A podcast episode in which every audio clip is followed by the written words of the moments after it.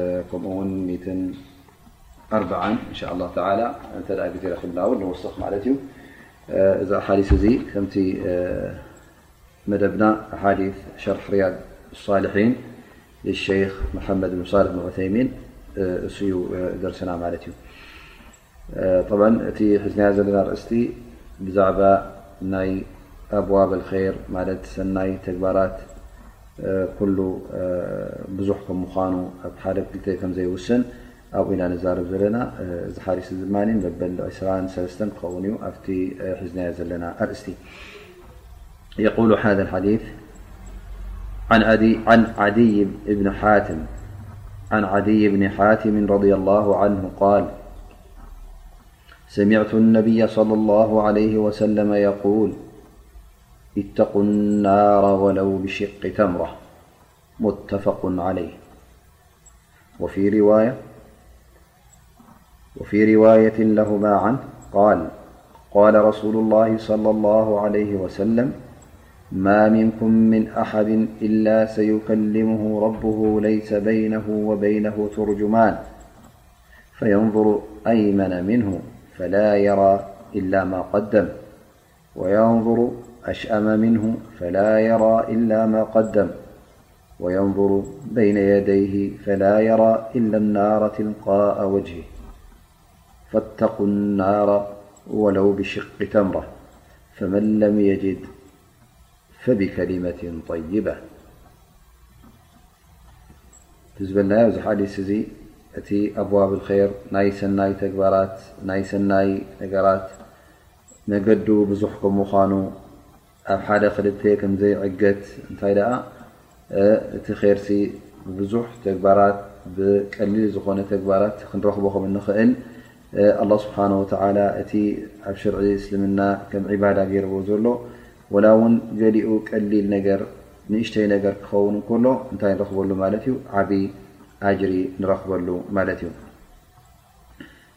ምኽንያቱ እቲ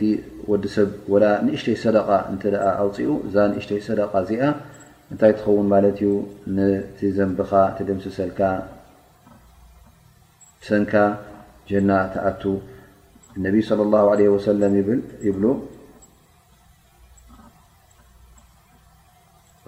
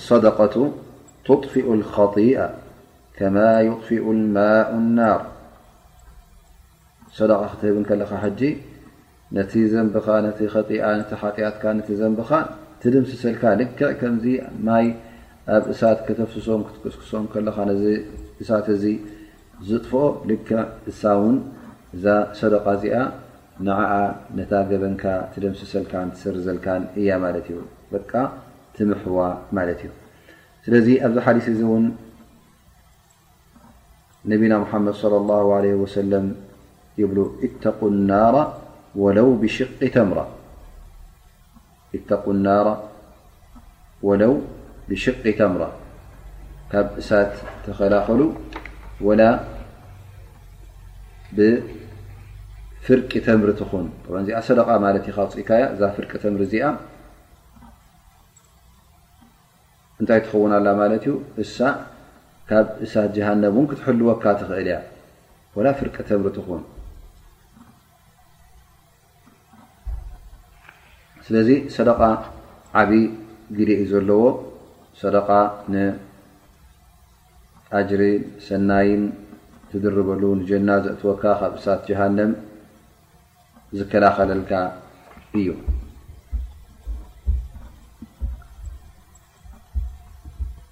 እዚ ክበሃል ከሎ ኣብዚ ሓዲስ እዚ ከም ዝረኣናዮ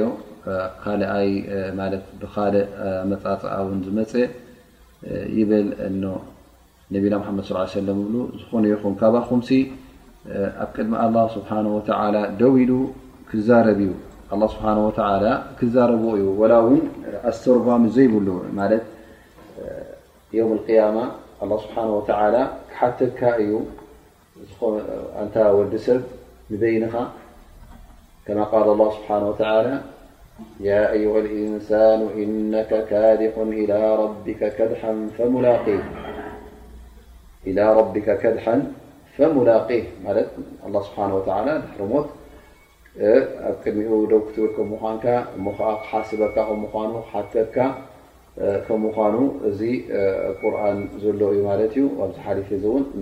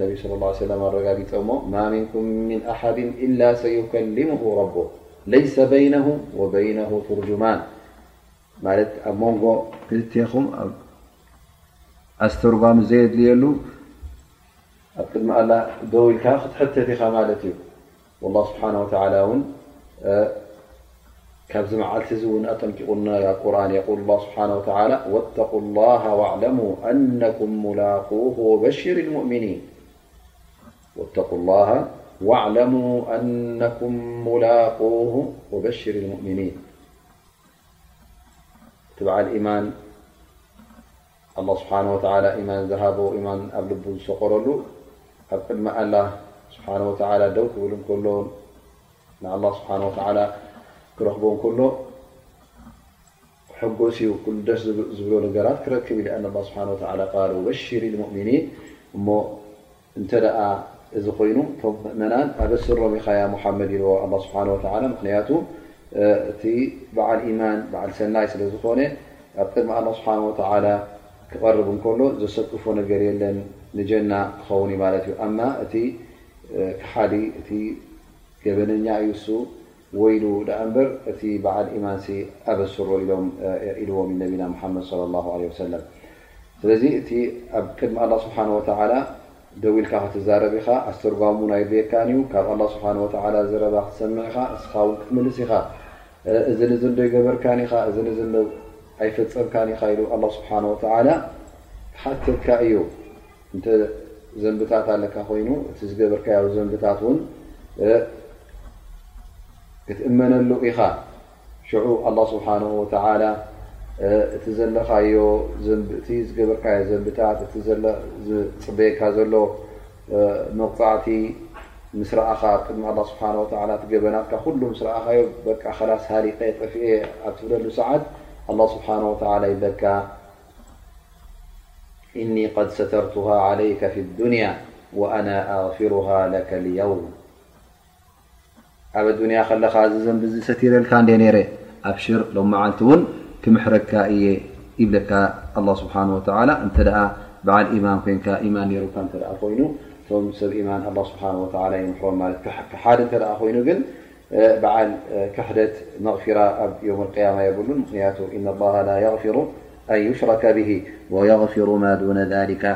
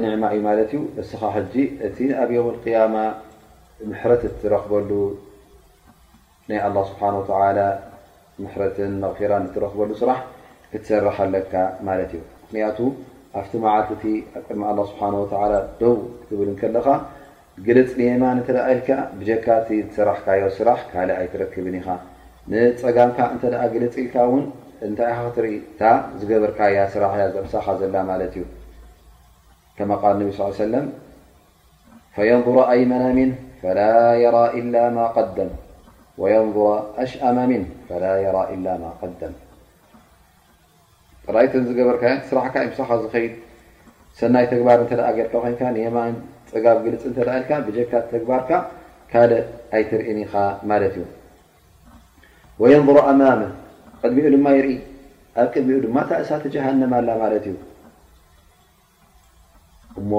ካብዛ እሳተ ጀሃነም ብምንታይ ተኸላኸል የቁል ነቢ ስ ሰለም ፈተቁ ናራ ወለው ብሽቂ ተምራ እዛ ኣብ ገፅካ ፀርሓካ ጀሃንም ኣብ ፊትካ ዘላ ጀሃንም እንተ ክትከላኸላ ደሊኻ ወላ ብጭራም ብፍርቂ ተምሪ ጌርካ ተኸላኸላ እዩ ዝብለካ ዘሎ ነቢና ሙሓመድ ለ ላ ለ ወሰለም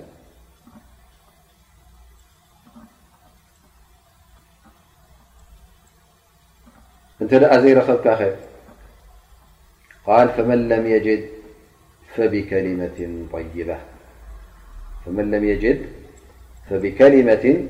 طيبة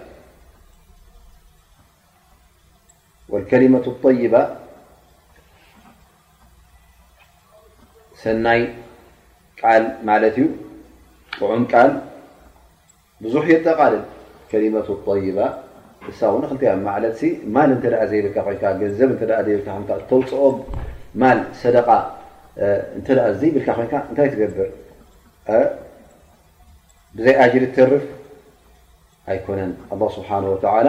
ኩላህና ንኽእሎ ወላ ውን ትድኻ ዝኽእሎ ነገር መተካእታ ገይሩሉ ማለት እዩ ግዴታ ኣይኮነን ሰደቓ ክተውፅእ በዓል ሃብቲ በዓል ገንዘብ በዓል ንብረት ክትከውን እንታይ ደኣ ጥዑም መልሓስ ክህልወካ ከሎ እዚ ንገዛእ ርእሱ ሰናይ ቃል ክተውፅእ ከለኻ እዚ ንገዛእ ርእሱ ዓብዪ ኣጅሪ ዘለዎ እዩ ከሊመቱ ጠይባ ክበሃል እንከሎ እቲ ዝበለጸ እዛ መልሓስካ እዚኣ ቁርኣን ክትቀርኣላ እንከለኻ እሱ ኣጥየቡል ከላም እቲ ዝበለጸ ዘረባ እዩ ዘረባ ጎይታና ንዕኡ ብመልሓስካ ክትቀርኦ እንከለኻ ደጊምካ ደጋጊምካ ከተጽንዖም ከተንብቦ እንከለኻ ቁራኣት ቁርኣን ንገዛእ ርእሱ ዓቢ ኣጅሪ ትረኽበሉ ማለት እዩ ኣብ ርእሲኡ ተስቢሕ ኣሎ ታሕሚድ ኣሎ ታህሊል ኣሎ ስብሓንላህ ኣልሓምዱሊላህ ላኢላሃ ኢላላህ ክትብል እንከለኻ እዚ ኩሉ ሰናይ ዘረባ እዩ ጥዑም ዘረባ እዩ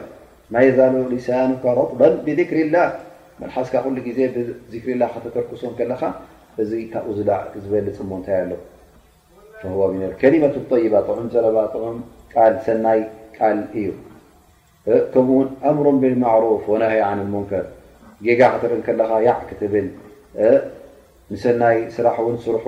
ግበሩ ፈፅሙ እዚ ፅቡቕ ዩ እዚ ረቢ ፈትዎ ኢልካ ድማ ንሰብ ከተፍልጥ ከለኻ ንሰብ ክትሕብር ንሰብ ከተምህር ክትምሃር ከለኻ እዚ ኩሉ ኣብ ከሊማ ጠይባ ኣብ ሰናይ ቃል ኣብ ሰናይ ጥዑም ዘረባ ኣብኡ ዝኣቱ ማለት ዩ ስለዚ ዝኾነ ይኹን ቃል ናብ ጎይታ ዘቕርበካ ቁርን ምቕራእ ኮይኑ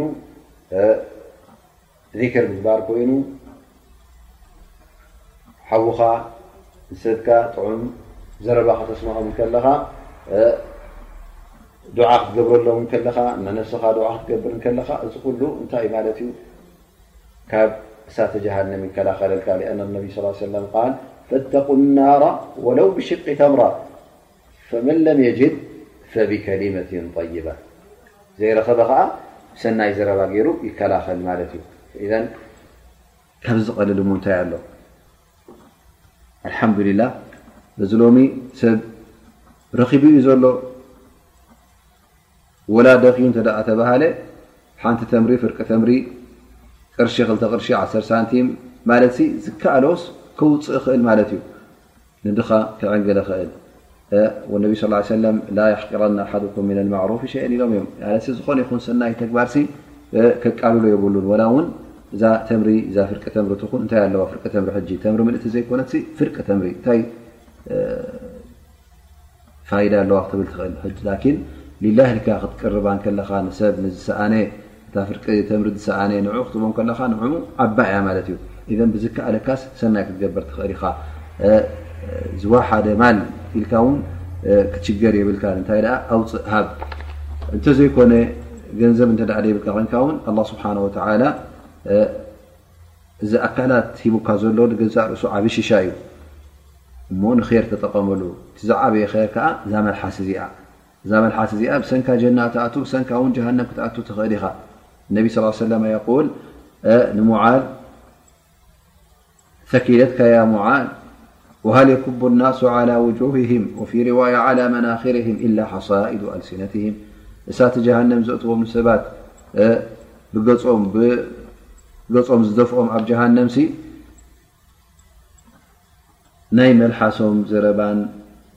መልሓሶም ዝዓጸዶ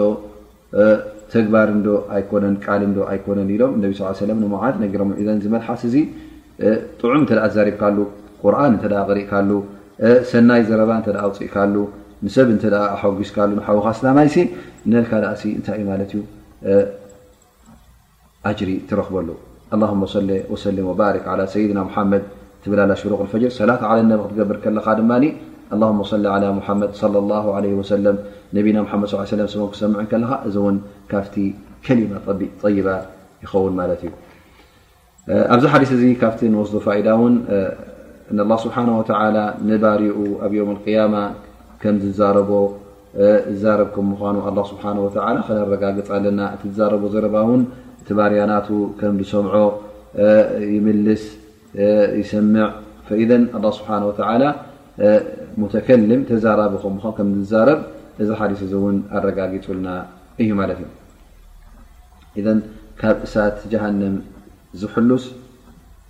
ሓደ ካብቲ ዓቢ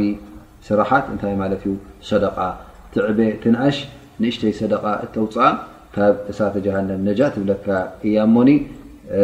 ኣይትሕመቅ ተሳተፍ ብዝከኣለካ መጠንሲ ንኼር ሊላህ ኣውጽኢኻ ደይረኸበ ድማ እንታይ ኢልና ድሰኣነ ኣላህ ስብሓነሁ ወተዓላ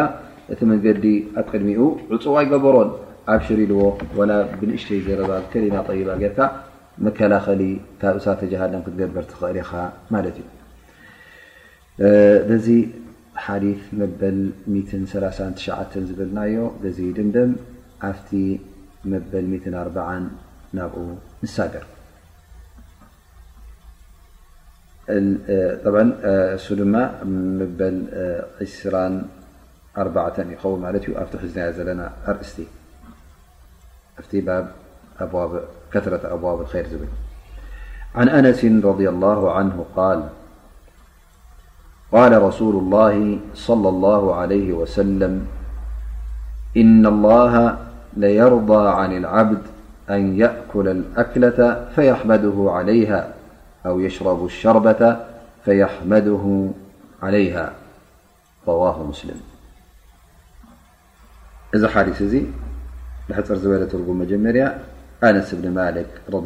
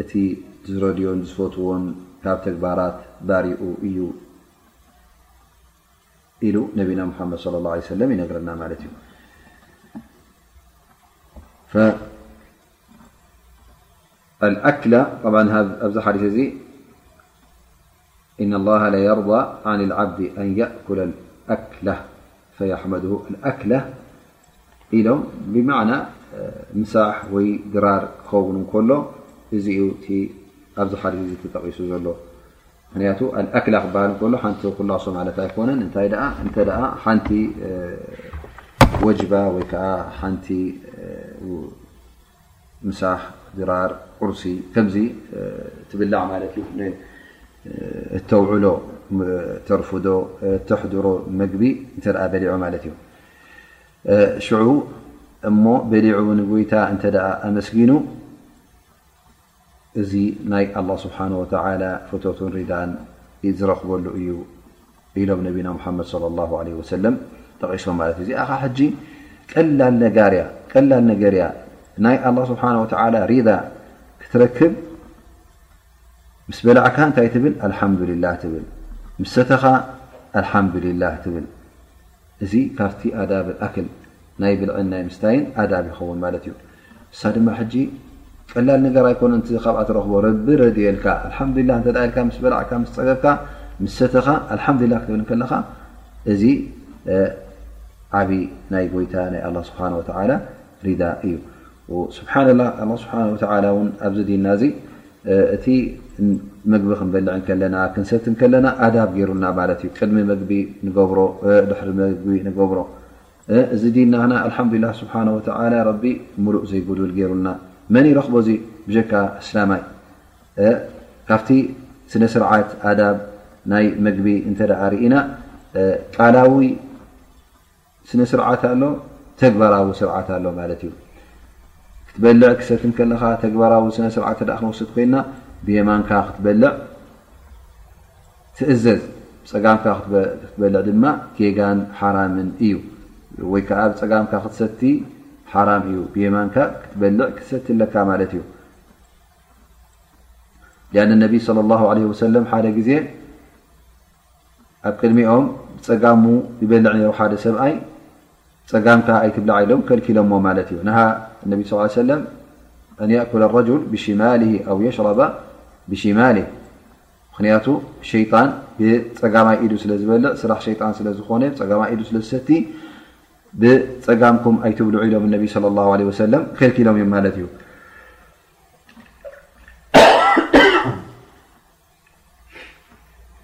ሓደ ግዜ ነቢ صለ ላه ለ ሰለም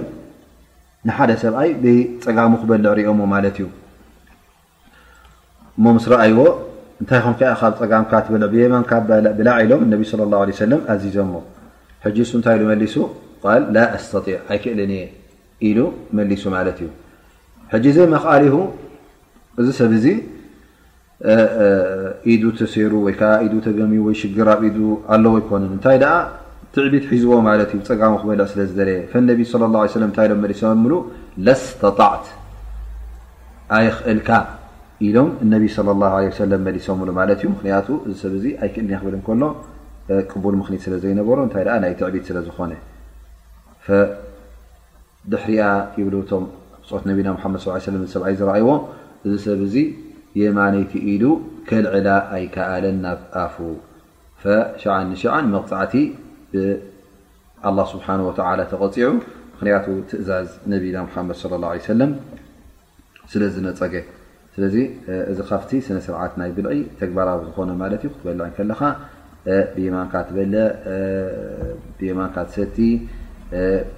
ቅድሜኻ ዘሎ ገዲፍካ ኣብ ቅድሚ እንዳማትካ ዘሎ ለኸፍከፍ እውን ኣይትብልን ኢኻ ማለት እዩ ከምኡ ውን ቃላዊ ኣዳብ ኣሎ ስነ ስርዓት ብመልሓስካ እትብሎ ቃላት እሱ ከኣ ክትበልዕ ክትጀምር ከለኻ ብስሚላህ ኢልካ ትጀምር ብስሚላህ ኢልካ ትጅምር እዛ ብስሚላህ እዚኣ ድማ እተ ዘኪርካያ ኮንካ ዋጅብ እያ ግዴታ ክትብላ ኣለካ ማለት እዩ እንተ ዘይበልካያ ካ ትእዛዝ ስለ ዝኾነ ገለ ዑለማ ክሳዕ ዘንብለካ ዝበሉ ኢትም ኣለካ ዝበሉ ሎማት ዋጅብ ስለ ዝኾነት ስለዚ ክበልዕ ክሰቲ እተ ኮይኑ መጀመርያ ሓደ ሰብ ብስሚላ ክብል ኣለዎ እተ ረሲዕዎ ኣብ መንጎ እተ ዘኪርዎ ውን ብስሚላ ኣወል ኣክር ይብል ማለት እዩ ነ ስ ሰለ ንዑመር እብን ኣብ ሰለማ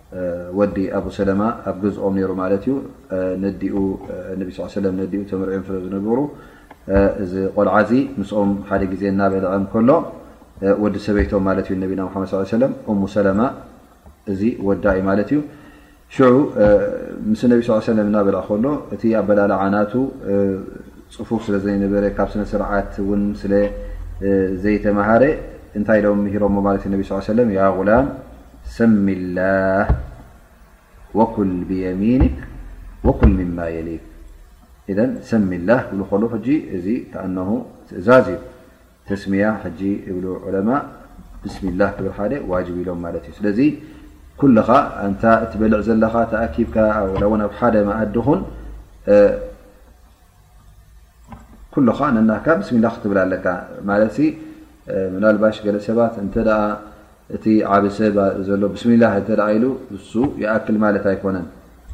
ሓደ እተ ብስሚላ ኢሉ ናይ ካልኦት እኹል ማለት ኣይኮነ እተ ኩላካ ብስሚላ ክትበልካ ንኣብነት ሕጂ እተ መኣዲ ሓሙሽተ ሰብ ሽዱሽተ ሰብ ክሳዕ ሸሞንተ ሰብ እተ ኣለካ ኮንካ ስድራ ኣብ ሓንቲ መኣዲ እተ ትበልዑ ኣለኹም ኮንኩም እቲ ወላዲ ወይከዓ እታ ወላዲ ዓብ ሰብ ብስሚላ እተ ኢሉ የለ ብስሚላ በሉ ብስሚላ እተ ኢሉ እሱ በይኑ እኹል ኣይኮነን ብስሚላ ክብል እንታይ ደኣ ነናትካ ኩላህካ ብስሚላህ ኢልካ ክትጅምር ይግባእ ማለት እዩ። ፈይደን እዚ ኣብቲ ናይ ምብላዕን ምስታይን ዘሎ ቃላዊ ስነ ስርዓት ኣዳብ ኣክል ይኸውን ማለት እዩ። እዚ ሕጂ ረኣዩ መጀመርያ ክትጅምር ከለኻ ከመይ ጌርካ ትጅምር እንተጨሪስካ ድማ ን ኣብዚ ሓዲስ እዚ ከም ዝረኣናዮ ኣልሓምዱሊላህ ኢልካ ትጭርሶ ማለት እዩ። ምክንያቱ እዚ መግቢ እዚ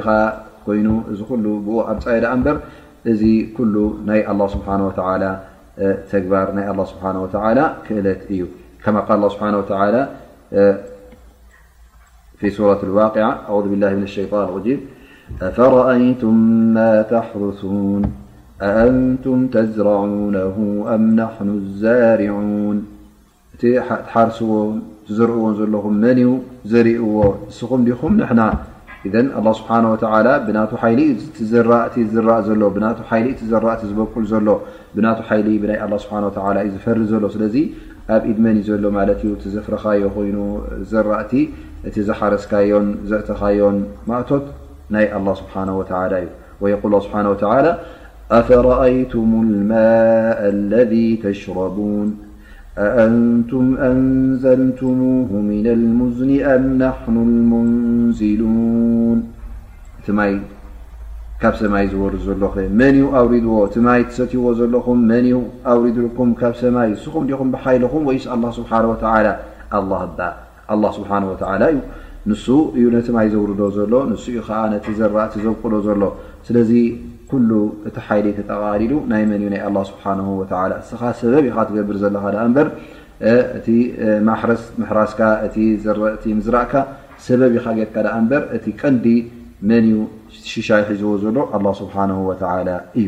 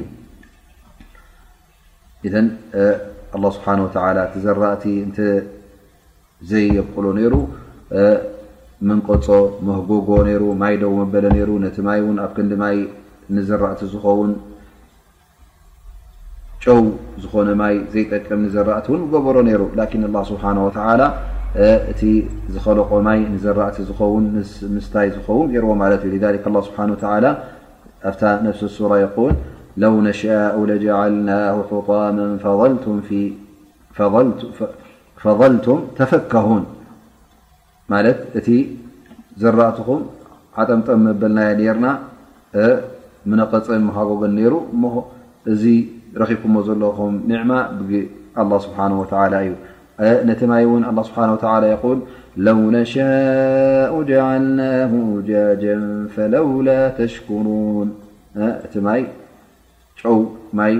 መሪር ምገበርናያ ነርና ግን ኣላ ስብሓን ወተላ ምእንቲ ከተመስግኑ ኢሉ ነቲ ማይ ምቁር ማይ ገይሩልኩም ምቁር ንዘራእቲ ዝኸውን ንምስታይ ዝኸውን ንዓኹም ንጥሪትኩም ዝኸውን ማት እዘ እቲ ሽሻይ እቲ ኒዕማ ካብ መን እዩ ዝበፅእ ዘሎ ካብ ኣላ ስብሓን ወተላ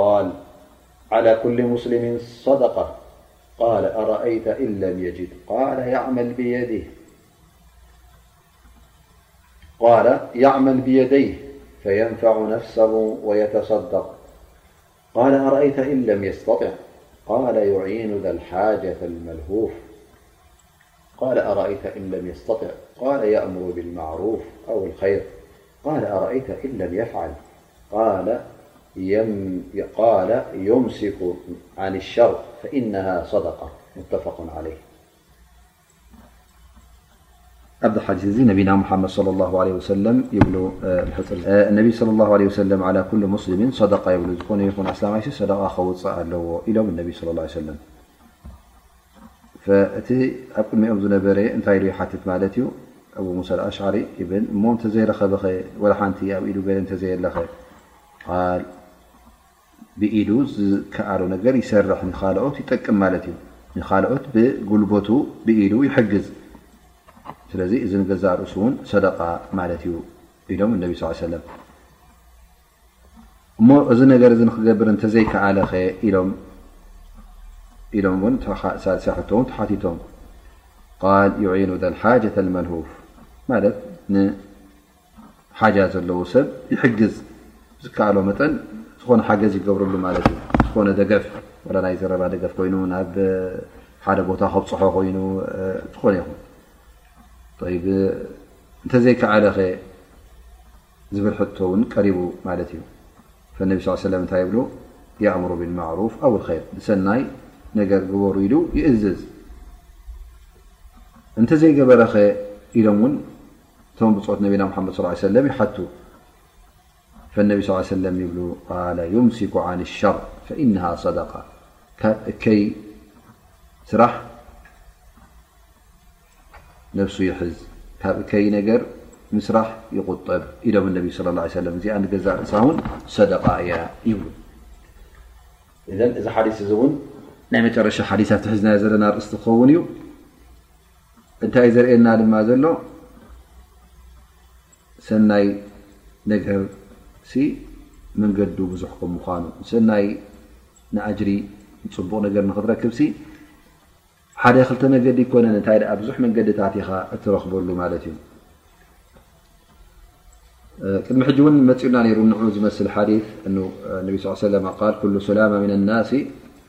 ዓለይቲ ሰደቃ ኩሉ ዮውም ተጥልዑ ፊ ሸምስ ማለት ዝኾነ ይኹን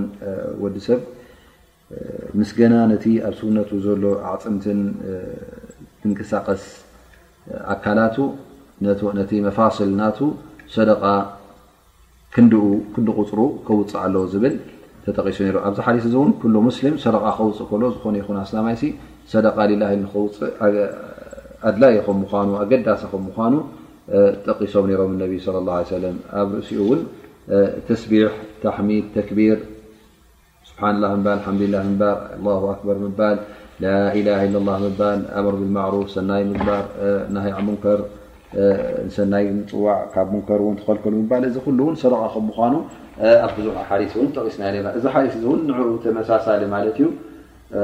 ዝያዳ ሕጂ ኣብዚ ሓዲስ እዚ ጠብዓ ብትንተና ተጠቐሰ እንታይ እዩ እቲ ሰብሲ ዝከኣሎ ክገብር ኣለዎ በዓል ገንዘብ እተ ኮይኑ እነቢ ስ ሰለም ሕጂ መጀመርያ ሰደቃ ሃውፅኡ ኢሎም ተዛሪቦም ማለት እዩ ፈ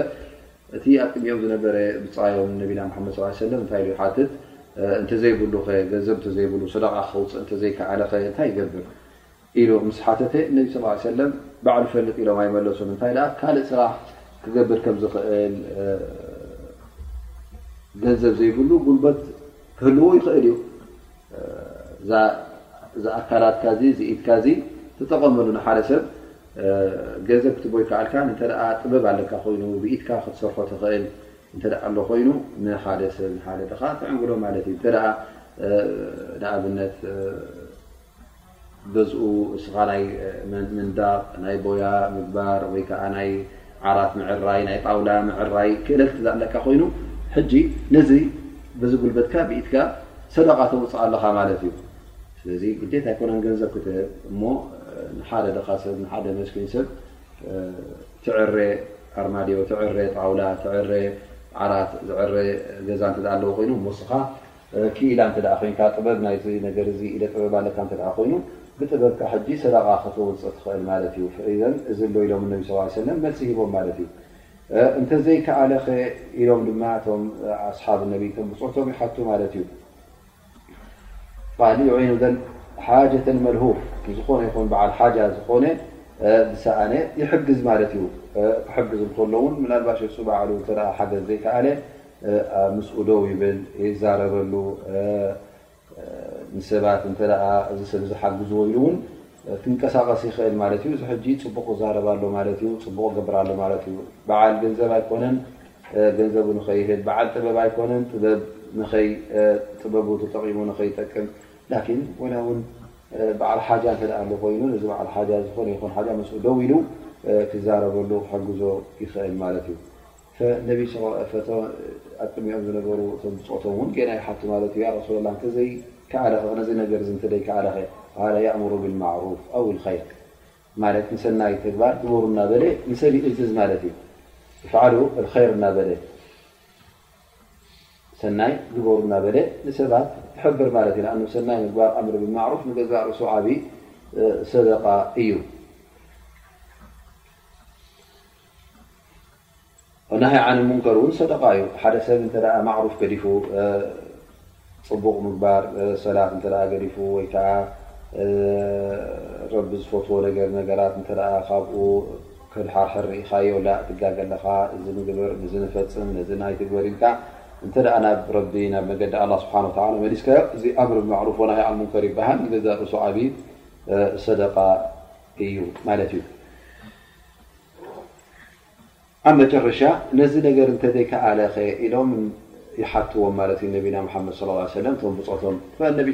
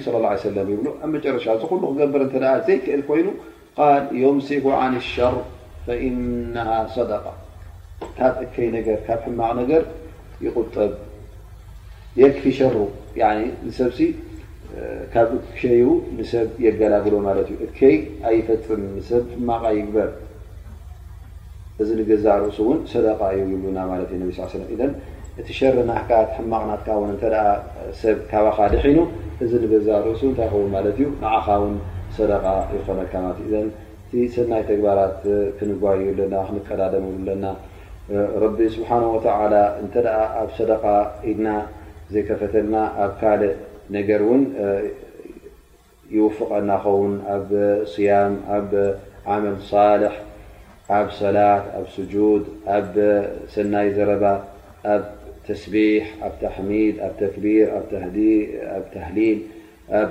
ቁርን ምቕራእ እዚ ኩሉ ሕጂ ሰናይ ስለ ዝኾነ እንተ ኣብቲ ዘይረኽብካ ኣብቲ ዘይከኣልካ ኣብቲ እንተ ኣብቲ ዘይከኣልካ ንኣኑ ከምቲ ሕና ንፈልጦ ወዲ ሰብ ኩሉ ሓደ ዓይነት ኣይኮነን ገለ ሰባት ኣለዉ ናይ ጉልበት ስራሕ ደስ ዝብሎም ገለ ሰባት ኣለዉ ናይ ንባብ ደስ ዝብሎ ሓደ ገለ ሰባት ኣለዉ ድማ ረቢ ስብሓን ወተዓላ ልግሲ ሂብዎም ማለት እዩ ርዝቂ ሂብዎም ኣብ ልግሲ ዝቀዳደሙ ንረክብ ማለት እዩ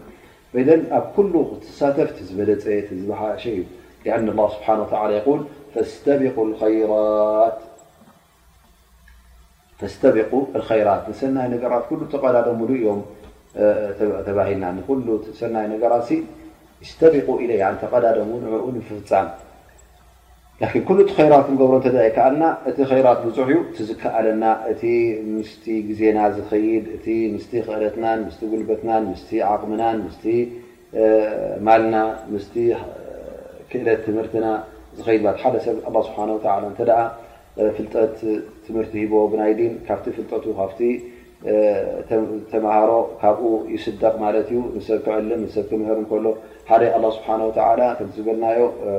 በዓል ንግዲ በዓል ሽሻይ በዓል ፋብሪካታት ገይርዎ ኣላ ስብሓን ወላ ብዝሃቦ እውን ካብኡ ኣውፅኡ የመስግን ማለት እዩ ትምህርቲ ረኸበን ንማል ረኺቡ ማል ኣይረኸበን ትምህርቲ ረኺቡ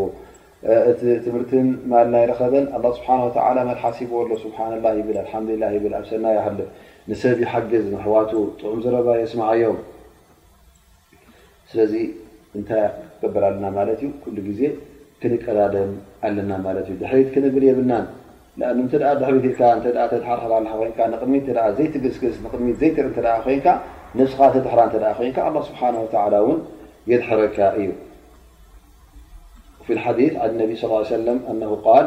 ላ የዛሉ ቆውሙ የተኣኸሩና ሓታ ይኣኽረሁም ላህ ገለ ሰባት ኣለዉ ኩሉ ግዜ ንድሕሪ ጥራይ ዝኸዱ ክሳዕ ኣላ ስብሓን ወተላ ንድሕሪ ተዓርዩ ዝስሕቦም ማለት እዩ ስለዚ እንታይ እዩ ዘድሊ ካባና እቲ ሰናይ ነገራት ክንጓየየሉን ክንቀዳደመሉን